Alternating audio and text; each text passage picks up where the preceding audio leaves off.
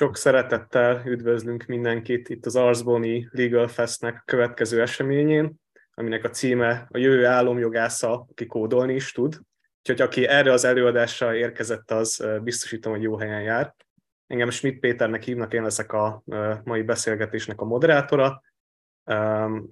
Egy kb. 30-40 perces előadással készült az előadónk Zorkóci Miklós, ügyvéd, illetve legal tech specialista, kutató, oktató, a Legalaze Legal Tech Consultancy-nak az a irodavezető partnere, úgyhogy szó lesz kódolásról, és szó lesz gyakorlati legal tech megoldásokról. Most már azt gondolom, ez egy nagyon-nagyon kúrens topikká vált, nem csak, a, nem csak az egész világon, hanem itt a szűkebemet régióban és Magyarországon is úgyhogy ezúton is jó szórakozást kívánunk az előadáshoz. Akinek kérdése van, az a chatben, illetve a Q&A funkció használatával ezt föl tudja tenni, ezeket a kérdéseket pedig én fogom majd tolmácsolni az előadás végeztével. Úgyhogy át is engedném a terepet Miklósnak, és mindenkinek jó szórakozást kívánok az előadáshoz.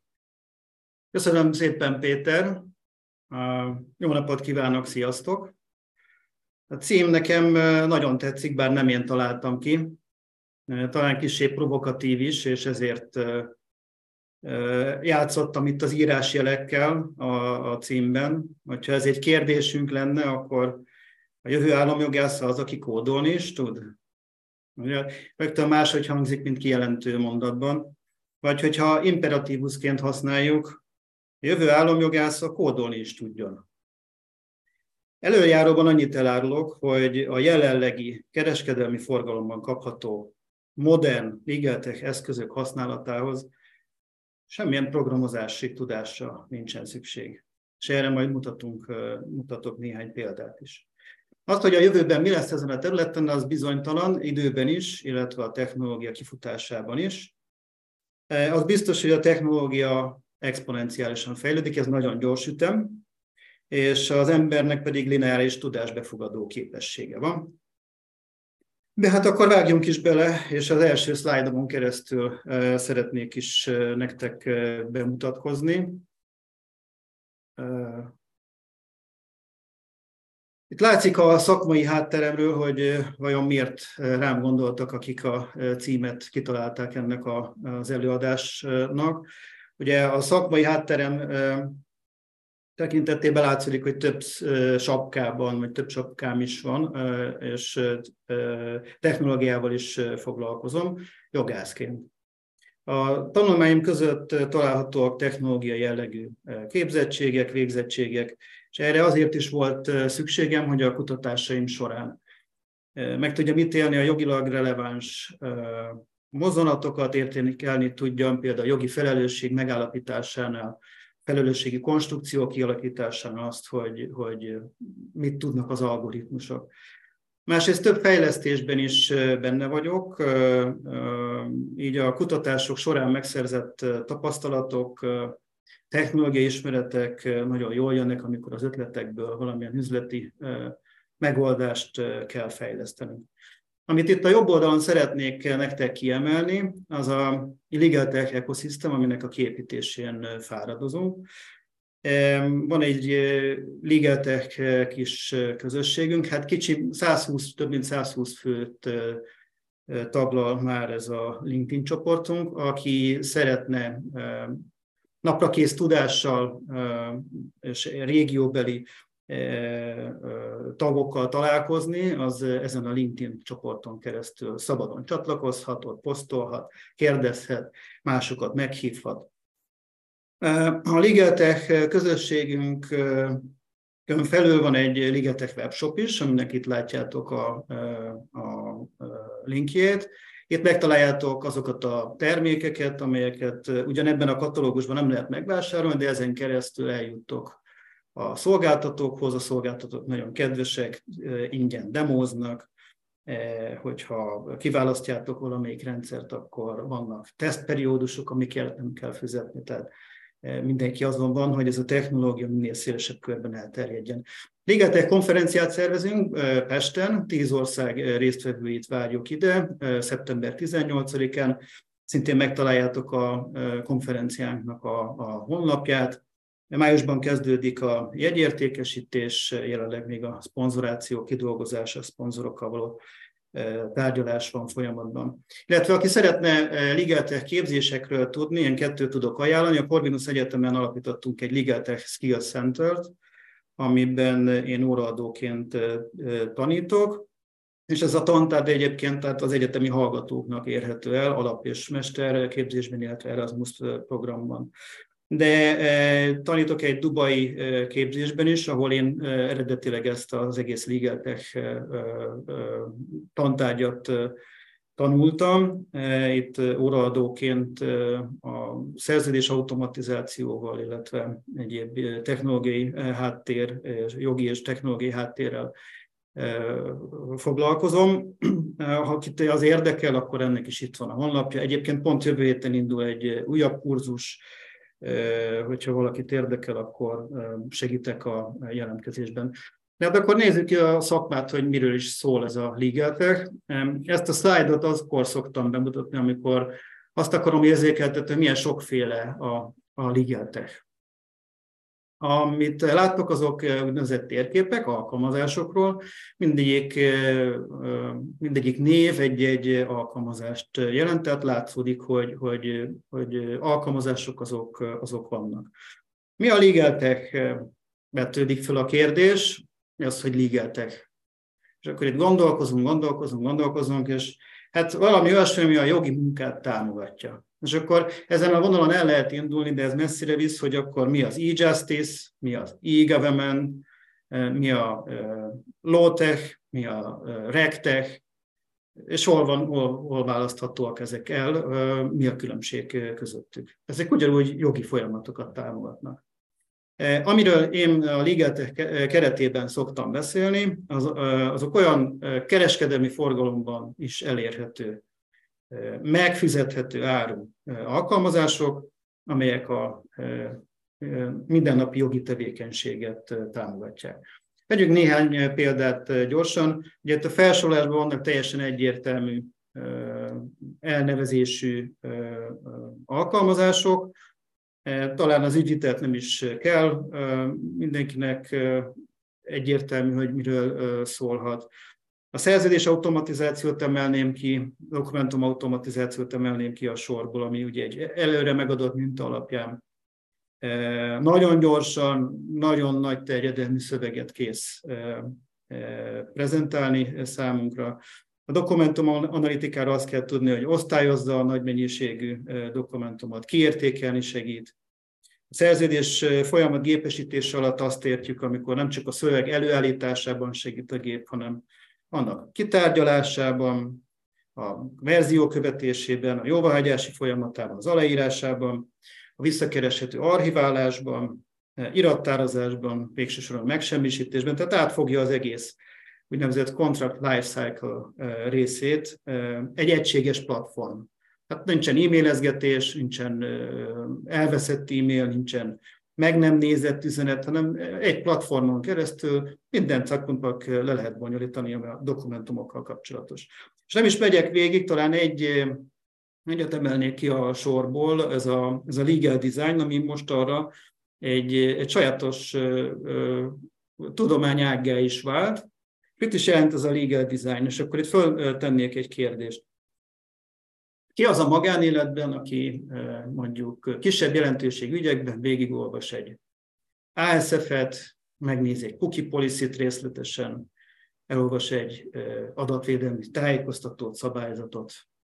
Sokan nem. Sokan vagyunk így egyébként ezzel, és milyen érdekes, hogy, hogy a, a szabályozó az pont azért kötelezi a szolgáltatókat arra, hogy, hogy ilyen dokumentumokkal ellásson minket, hogy mi tájékozottak legyünk de e, ezeket a szövegeket e, ember nem nézi végig, és hogy ezt a, ezt a paradox helyzetet e, feloldva alakult ki ez a legal design tudományág, ami most már tényleg egyetemi szinten is oktatnak és tanítanak elsősorban Európa északi részében, de az egész világon mindenütt is. Mit is jelent ez a legal design?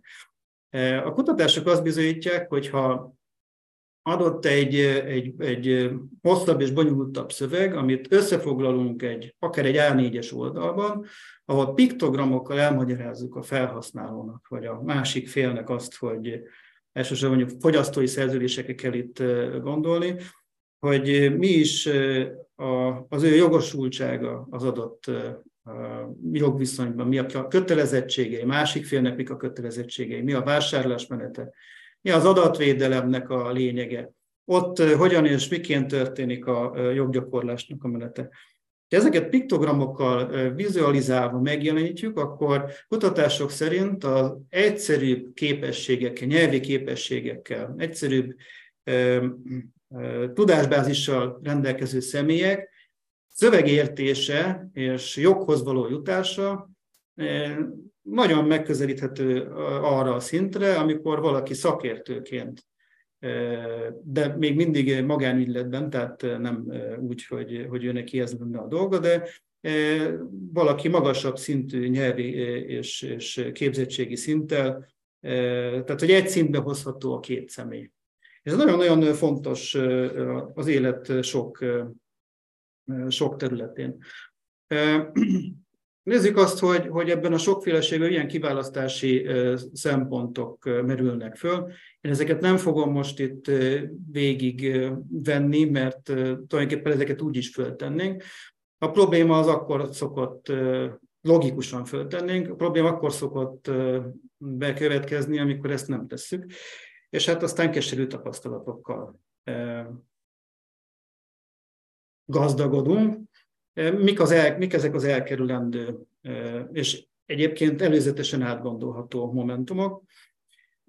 Azért legyünk őszinték, hogy a, a Legaltech sok jogász kolléga számára egy, egy, egy újabb szoftvert jelent, egy újabb szoftveres megoldást, amit megint egyrészt fizetni kell érte, meg kell tanulni, hozzá kell igazítani az irodának vagy a jogi osztálynak a működését. Tehát macerás. Egyetemen nem tanult, a nagy többség nem tanulta, e, és most is inkább az asszisztenciára e, bízzák, e, esetleg junior kollégákra szerencsésebb esetben. És ezek tényleg a jobb, jobb, jobb esetek. Nem használják a rendszert, megveszik, nem használják a rendszert, mert maradt a régi folyamat, és, a, és az új rendszer is párhuzamosan él. Egyszerűen a Ligetech hatékony, és hogyha ez nem éri el azt a kívánt hatékonyságot, vagy vágyott hatékonyságot, akkor ezeket nem fogják használni, ezeket a rendszereket. Marad a régi beidegződés, ugye ez egy tanulás és párhuzamosan alkalmazott hosszú folyamat, tehát mindig van egy időpillanat, amikor lekapcsolják a régi folyamatot, és itt nem csak régi rendszerekről van szó, hanem, hanem a jogi, mint üzleti folyamatokról. Amikor képzés nélküli kollégák jogos ellenállása, ellenállása ütközik az, hogy ezeket a ligetek termékeket hosszú távon használják, az is teljesen érthető, hiszen ha, ha nem, nem ismerjük a rendszernek a, a, a, az alapvető jó és rossz tulajdonságait, akkor újabb és újabb problémákat fog nekünk okozni, és ki akar újabb és újabb problémákkal találkozni, amikor a jogásznak alapvető dolga a, a saját jogi feladatának az ellátása, és hogyha hozzá van szokva valamihez, nem akar változtatni. Nincs rá kényszerítve, nem akar változtatni. Csak azért, mert lehet, hogy jobb lesz, nincs tapasztalata, nincs tudása, e, nem fogja használni, és hogy nem fogják használni, akkor feleslegesen nem fogja az iroda fizetni, nem fogja a cég fizetni ezeket a licenceket. Az is e, gyakori probléma, hogy megveszünk egy rendszert, és e, beállítunk egy munkafolyamatot, és azzal találkozunk, hogy még több munkafolyamatot, még több embert szeretnénk bevonni, még megnövekszik az ügyszám, de e, a rendszer nem képes arra, hogy ezt kiszolgálja, nem skálázható, vagy azért, mert nincs elég licencünk, vagy nem olyan licencünk van, vagy azért, mert olyan szolgáltatót választunk, ahol egyszerűen nem képesek a megnövekedett igényt kiszolgálni, nem tud annyi képzést nyújtani, mint amennyit megígért az elején. Ez is egy ilyen ö, probléma. A az is gyakran előfordul, hogy, hogy kiképzünk az irodában vagy az osztályunkon. Ugye jellemzően azért Európában, de legfőképpen Magyarországon az ügyvédi irodák többsége pici, és nyilván a nagyvállalati jogi osztályokat leszámítva a jogi osztályok se több tízfős, vagy akár több százfős irodákból állnak. Tehát jellemzően ki PC-znek valakit az adott kisebb közösségből, ő megkapja a képzést, ha ő kilép, az a rendszer, akkor úgy marad. Más nem lép a helyére, vagy hogyha belép, átadja, az már nem ugyanaz a tudás lesz, és az már nem ugyanaz az elkötelezettség. Megveszünk egy rendszert, de pont arra nem jó, amire gondoltuk, mert egyszerűen nem tudtuk fölmérni azt előzetesen, hogy arra a munkafolyamatra ez egyszerűen alkalmatlan. És ez menet közben derül ki. Hiába a hosszú tesztperiódus, hiába a képzés, hiába a support, eh, hosszú távon, ha, eh, ha nem egyeznek a céljaink, megmaradnak eh, a régi folyamatok, és nem tudnak belépni az új ligeltek folyamatok.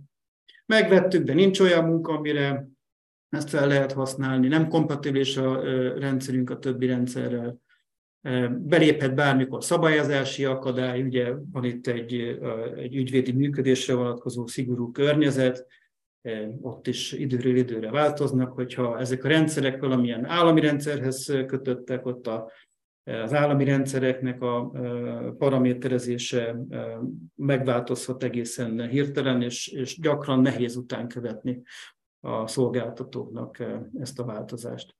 Elavult technológiát vásárolunk, ilyen is van. Most azt mondtam, hogy nem kell kódolni, de azért még azért 5-10 évvel ezelőtt valamilyen minimális tudás szükségeltetett ahhoz, hogy mondjuk egy sima egyszerű dokumentum automatizációs rendszert valaki föl tudjon állítani. Ott még nem parancsszavakkal, hanem hát nem kódokkal, de gyakorlatilag logikai műveletekkel kellett egy egyszerű dokumentumot is bekódolni. Tehát ilyen is van. Nagyon érdekes, hogy nagyon sokan ragaszkodnak ehhez az elavult technológiához. Miért? Megtanulta, szereti, tudja alkalmazni, nem akar újat tanulni. Ilyet is látunk. És aztán van egy ilyen veszélyünk is, hogy elkopik a napra kész tudásunk, tehát amit nem használunk, azt a, azt a rábízunk magunkat a gépre, megbízunk egy rendszerben, nagyon csodálkozunk, amikor az a rendszer valamiért megáll, vagy, vagy valamiért nem úgy működik, és utána időbe telik, hogy, hogy fölvegyük a fonalat, hogy hogy is volt ez IQ-ból. Most akkor nézzünk egy-két konkrét alkalmazást is. A 10-15 évvel ezelőtt egy cégátvilágítás például még, még arról szólt, hogy bezártak minket egy adatszobába, a jogászt, a könyvvizsgálót, az adótanácsadót, a, és bent ültünk egy adatszobába, ez egy céltársaság, nem mondjuk egy, egy tárgyaló volt, és akkor oda cipelték ezeket az aktákat, a, a jogi feladat az egyébként nem változott azóta sem, tehát a jogi véleményt kell adni például arról, hogyha megvesznek egy céget, vagy hogyha mondjuk végzünk egy valamilyen szakauditot, mondjuk egy adatvédelmi auditot, át kell néznünk az összes adatszobában található iratot. Amit most itt láttok a képernyőn, az egy, az egy virtuális adatszoba, és ebben a virtuális adatszobában vannak különböző funkciók, amiket ráépítettek. Itt most egy gépi tanulásos rendszert látunk ettől a szolgáltatótól, de hát hogyan is tud ez nekünk segíteni? Ugye a munka azt mondtam, hogy nem változott, de véleményeznünk kell továbbra is akár több tízezernyi oldalnyi jogilag releváns dokumentumot. De hát, hogy mi a releváns?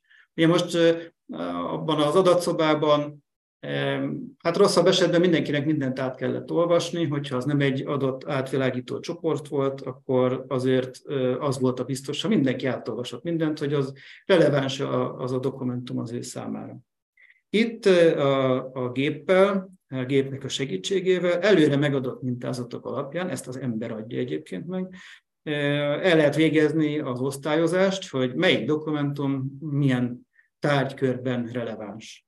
Ugye itt látunk karikákat, például ott vannak zöld gombok középtájon, azok egyfajta relevanciát prognosztizálnak, van mellett ugye egy eredmény is, Hogyha azt mondom, hogy a gép 90%-osan azt mondja, hogy számomra releváns a dokumentum, akkor ezt nagy valószínűséggel ki fogom nyitni, el fogom olvasni, és az alapján kialakítom a véleményemet.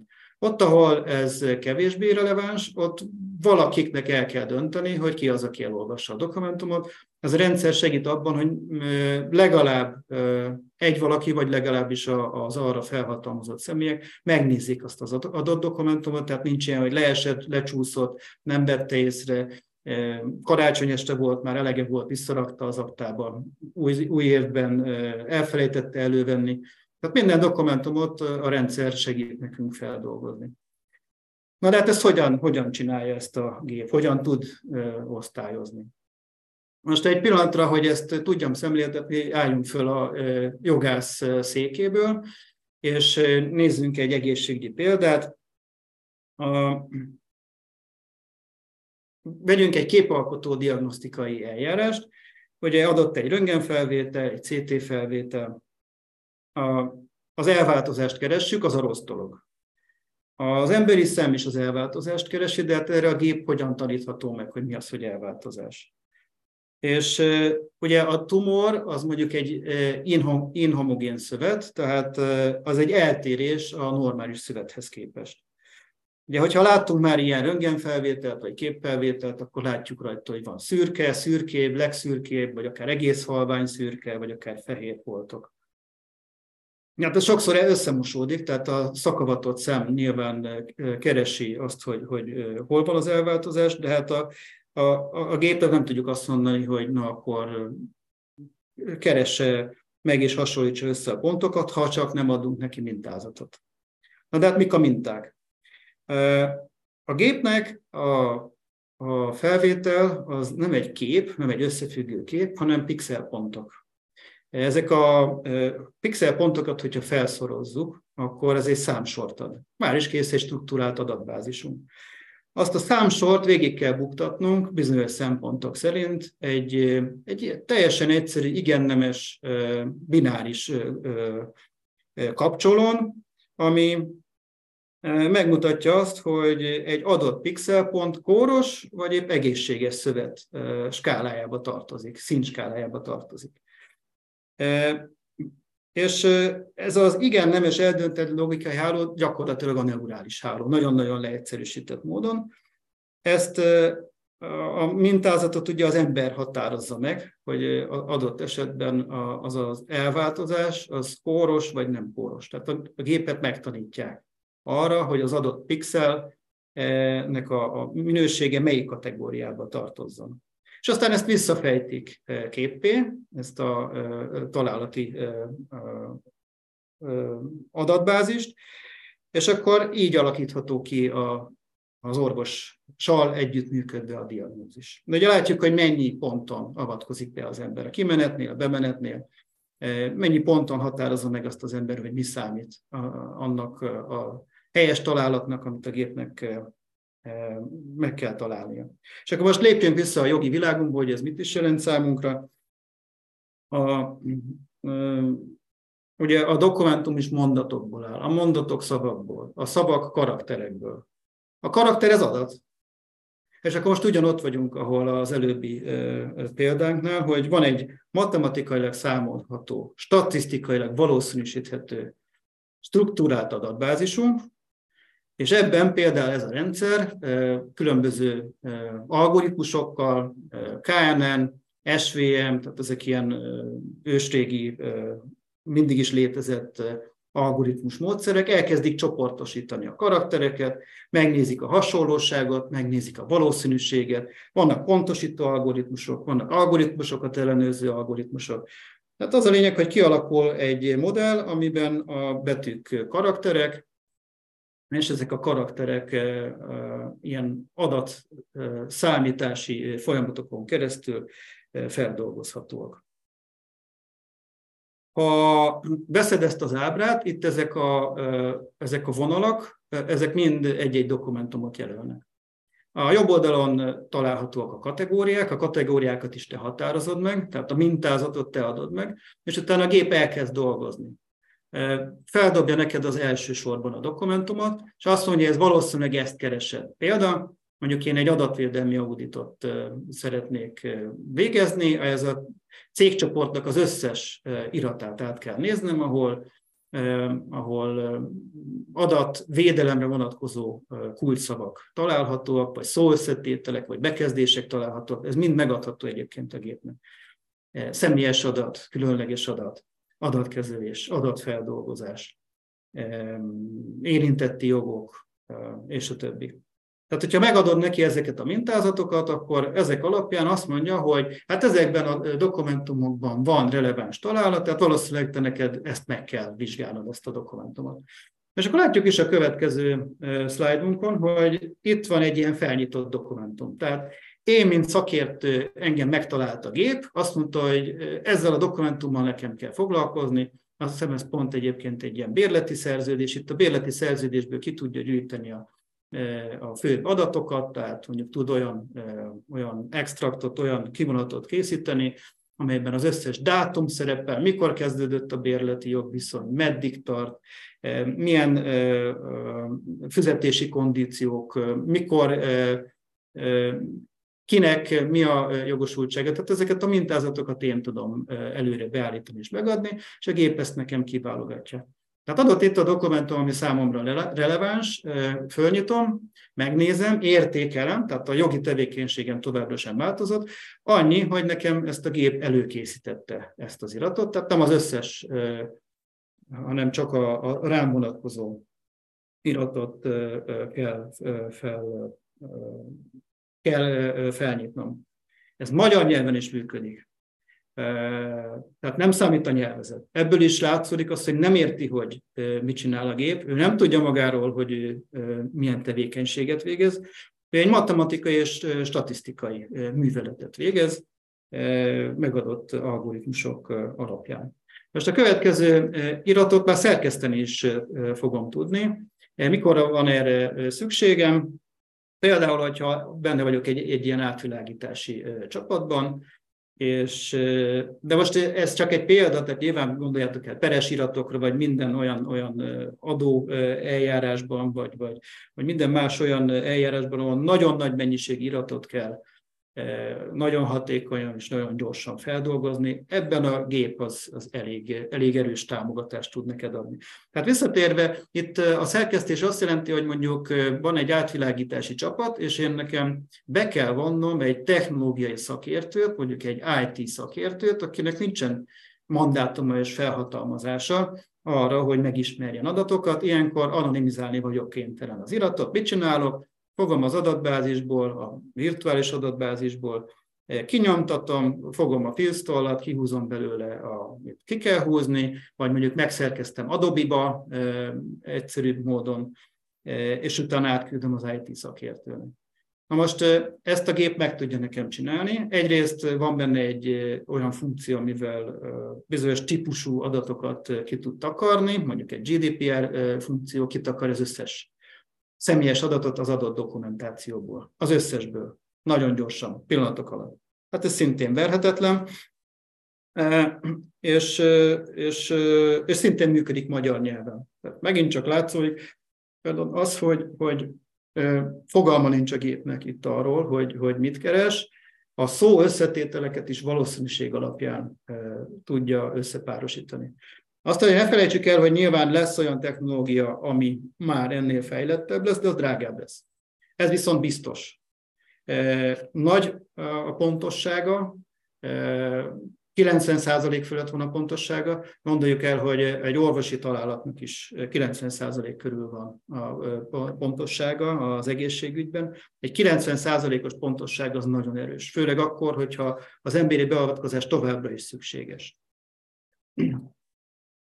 A, és akkor nézzünk egy, egy másik rendszert, egy másik példát arra, hogy, hogy miket tud még nekünk automatizálni egy gép. Az eddigi, tehát az, előző szolgáltatás az, az gépi tanulású, algoritmikus alapú, adatalapú rendszer volt. Ez a mostani, ennek semmi köze a mesterséges intelligenciához, semmi köze a gépi tanuláshoz. Ezek gyakorlatilag olyan mintákat tudnak nagyon gyorsan kitölteni, tulajdonképpen nyomtatvány kitöltő szoftverek ezek, amely mintákat előzetesen jogász állít össze, templéteket adunk. Ugye itt van egy jelentős jogi munka, mert ott, ahol erre szükség van, ott először is, amit lehet, azt tipizálni kell. Méghozzá úgy, hogy lehető legszélesebb körben.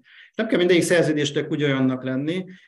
Van, hogy az egyik típusú klauzulát használja a felhasználóban, hogy a másikat ahogy nem tudom, elektronikus számlázást kér, az teljesen más szövegezést jelent, mint amikor valaki postai úton.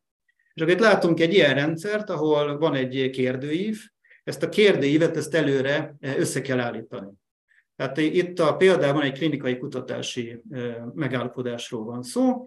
Eh, ebben az esetben egy-egy ilyen studinál, egy-egy ilyen klinikai kutatásnál akár 8-10 típusú szerződést is kell kötni adott esetben és a, az adatok nagyon hasonlóak. Tehát, hogy a, a, a, a, nyilván a szerződő felek azok eltérőek, de mondjuk az, hogy a, a, a klinikai kutatásban hány beteg, milyen készítményekkel, ki milyen feladatkörökkel rendelkezik, azok nagyjából tipizálhatóak. Tehát egy ilyen bonyolult szerződési rendszerben le tudjuk úgy egyszerűsíteni a folyamatot, hogy egy ilyen kérdőív kitöltésével megadjuk előre az adatokat, és gyakorlatilag egy gombnyomással kitölt 5-10 szerződés nekünk, választásunk szerint, úgy, hogy ezek a szerződések nem rövidek.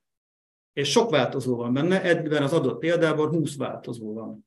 Tehát 20, 20 helyen tud A vagy B vagy ABC vagy, vagy, vagy, vagy egyéb más variációban adat megjelenni adat, pontosabban rendelkezés, szerződéses rendelkezés, tehát ez vonatkozhat nyugodtan szövegezésre is, nem csak arra, hogy, hogy, hogy valamilyen céges adatról van szó, vagy valamilyen vizsgálattal kapcsolatos számadatról van szó. A gépnek mindegy, itt sem gondolkozik, előre megadott mintázatok alapján, ember által előre megadott mintázatok alapján pár perc alatt kitölthető több száz oldalnyi releváns szerződés, amit utána ember nyilván ellenőriz, és ez a rendszer képes egyébként arra is, hogy, hogy a dokumentum életútját is után kövesse. Nem kell e-mailben elküldenem az adott szöveget. Egyébként egy teljesen egy Word file-t képzeljünk el, tehát egy Word megjelenésű, egy Word gombokkal, funkciókkal bíró fájlt képzeljünk el. Hát ezt át tudja küldeni a másik félnek. A másik fél nem egy fájlt nyit föl, hanem egy linket, azon a linken tud a másik fél dolgozni, tehát mondjuk én, hogyha mondjuk a gyógyszercéget képviselem, akkor a másik oldalon egy kórház, egy nővér, egy vizsgáló, egy gyógyszerész, egy radiológus, egy koordinátor felnyitja ezt a linket, ott megteszi a megjegyzéseit, és beleír, elfogadja az én megjegyzéseimet, az egészet verzió követem, és amikor készen van, akkor elmenti, én visszakapom ezt a szerződést, egyetértek vele, aláírom, vagy aláíratom, vagy jóvá hagyatom a megfelelő vezetővel. Még mindig a platformon belül maradunk, nincs elveszett e-mail, határidőket lehet szabni, jóváhagyási szinteket lehet meghatározni. Tehát gyakorlatilag, amikor azt mondjuk, hogy, hogy gépi úton automatizálunk egy ilyen folyamatot, akkor erről beszélünk. A következő szlájdunk is egy, egy okiratszerkesztő megoldás, még az előző rendszert azt inkább nem jogi személy, nem, nem jogi végzettségű személyek használják előszeretettel, tehát vállalati HR, sales, marketing, beszerzés, tehát ott a nagyszámú, de tipikus dokumentumok keletkeznek, mondjuk egy nagy vállalatnál, akkor a jogász által eladott, el, előre meghatározott minták alapján, meghatározott klauzulák mentén az adott kitöltő személy tudja eldönteni, hogy, hogy akkor az adott jogilletre mi a releváns és mi nem.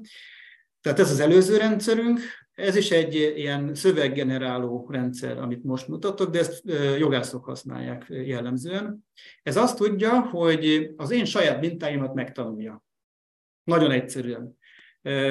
egyszerűen feltöltöm az adatbázisába, a knowledge base-be, a saját tudásbázisába az én szeretett mintáimat.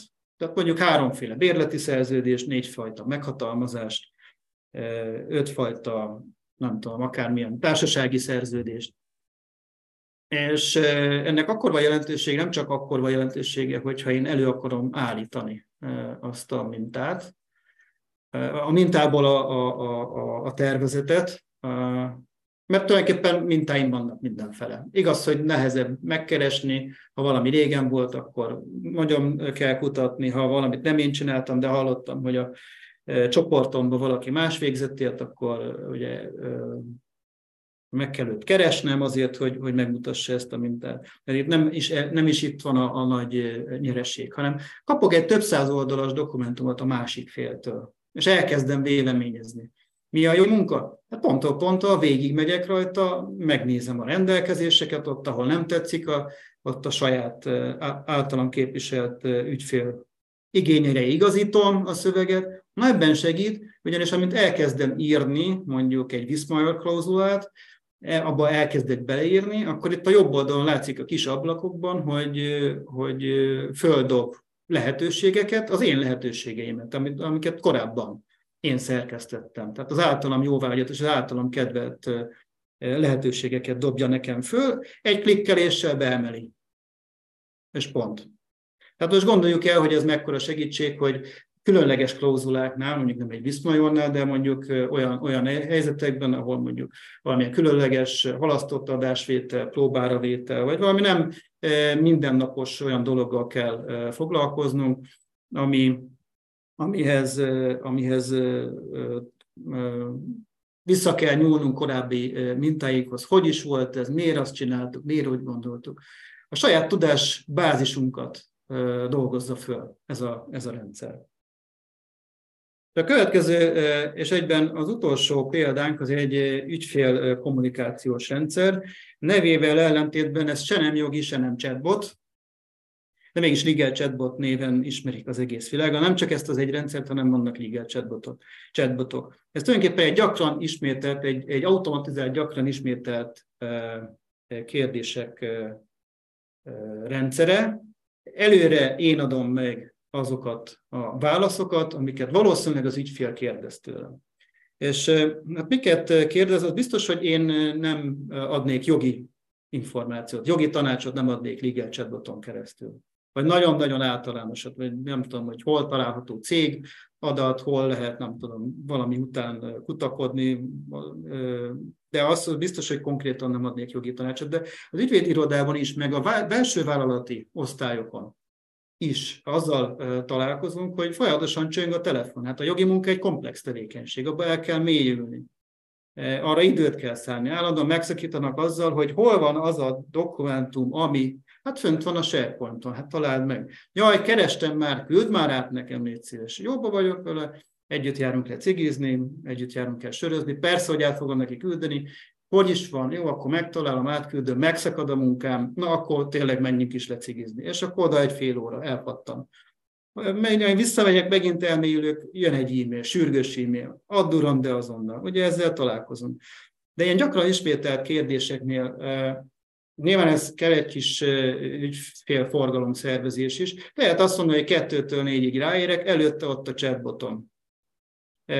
Itt látszik egyébként egy ilyen minta, ez nem tud magyarul, tehát ez fontos. Lehet vele játszani, de ez nem lesz pontos. Azért, mert nincs benne, ez egy ausztrál rendszer, nincs benne a magyar karakterkészlet. Tehát nem ismeri föl, vagy, vagy hibásan ismeri föl. Ugyanakkor két nyelvűséggel lehet itt is játszani.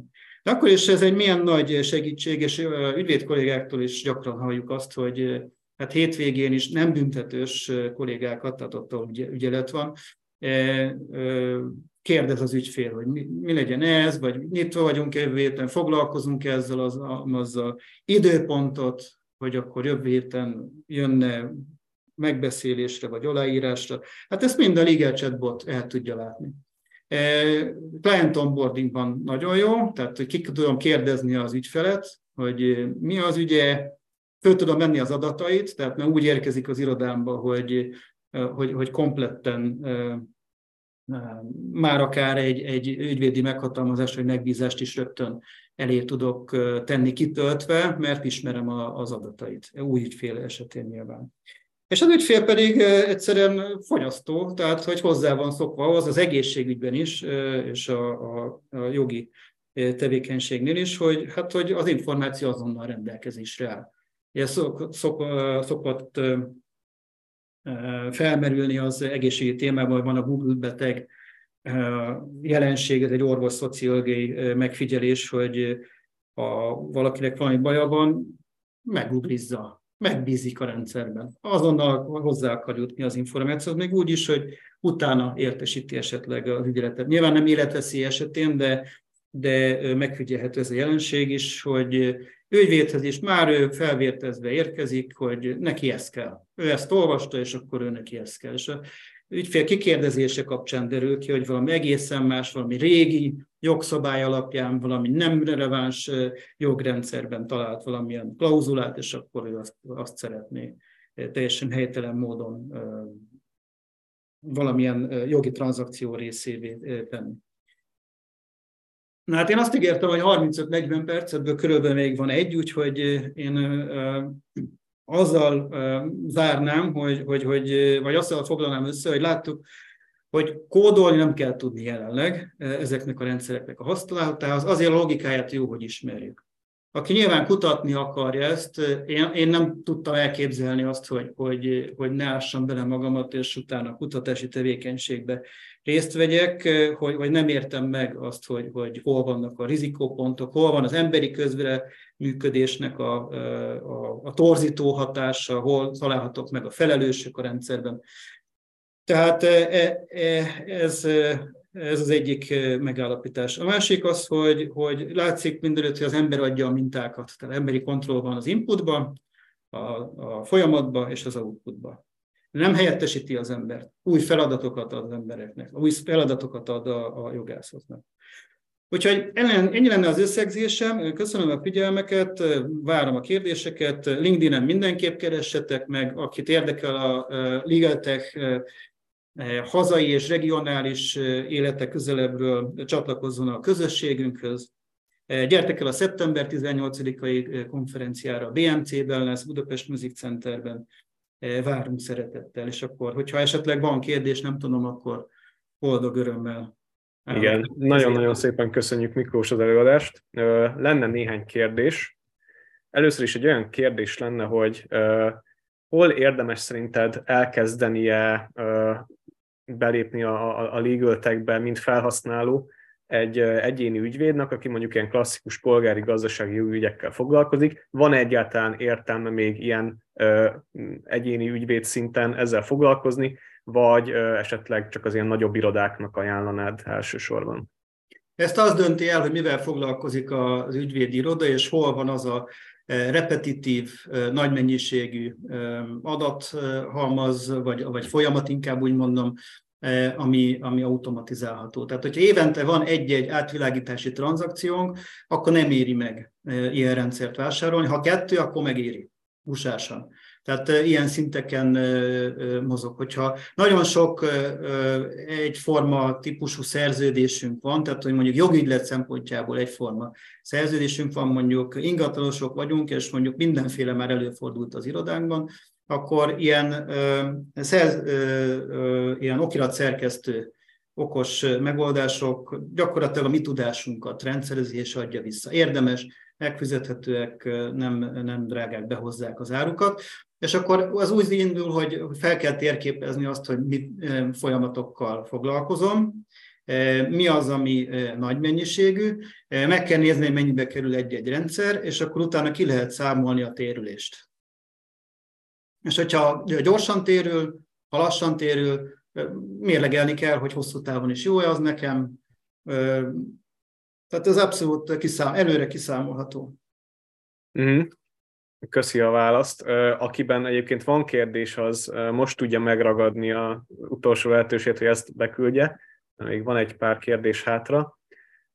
Egy olyan kérdés lenne még, hogy ugye az most már látszik, hogy vannak olyan területei a, a legal ahol vannak kiforrottabb megoldások, amiket már komolyan validált a piac, és vannak esetleg még olyan területek, ahol még kicsit ilyen vadnyugatabb hangulattól alkodik technológia szintjén, meg implementáció szintjén, hogy te, te hogy látod ezt a kérdést, melyek azok a területek, azok közül például, amiket említettél az előadás elején, ügyvitel, virtuális adatszoba, smart kontraktok, ahol, ahol már vannak ilyen bevett megoldások, és mi az, ahol még jó sok innovációra van tér, illetve még kicsit csiszolni kell a megoldásokat. Te ezt vagy látod?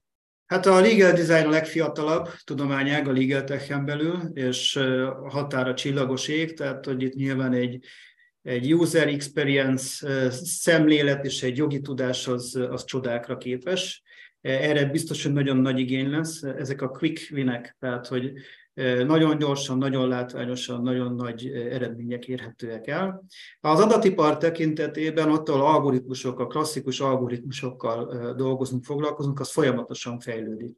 Egyre komplexebb rendszerek lesznek majd, tehát hogy mondjuk lesznek, hát még, még nincsenek, de lesznek olyan platformok, ami onnantól kezdve, hogy reggel bemész, bekapcsolod a gépedet, addig, hogy este kikapcsolsz, a számlázástól az óradíj követésen át, a jogi munkán keresztül, az ügyfélkapcsolattartáson át, a szerződés automatizáció, a közös adatbázis, a, a smart contracting, bekapcsolása a rendszerben, tehát hogy, hogy, hogy komplexen föl fogja majd ölelni a rendszer, de egyelőre ezek még nincsenek összerakva, van egy-két nagyobb szolgáltató, akiknek már a többsége, tehát úgy érte, hogy a, a, az ilyen jogi szoftvereknek a többsége kezd egy helyen, egy platformon gyülekezni, de, de ez, ez, ez még nyilván fejlődés.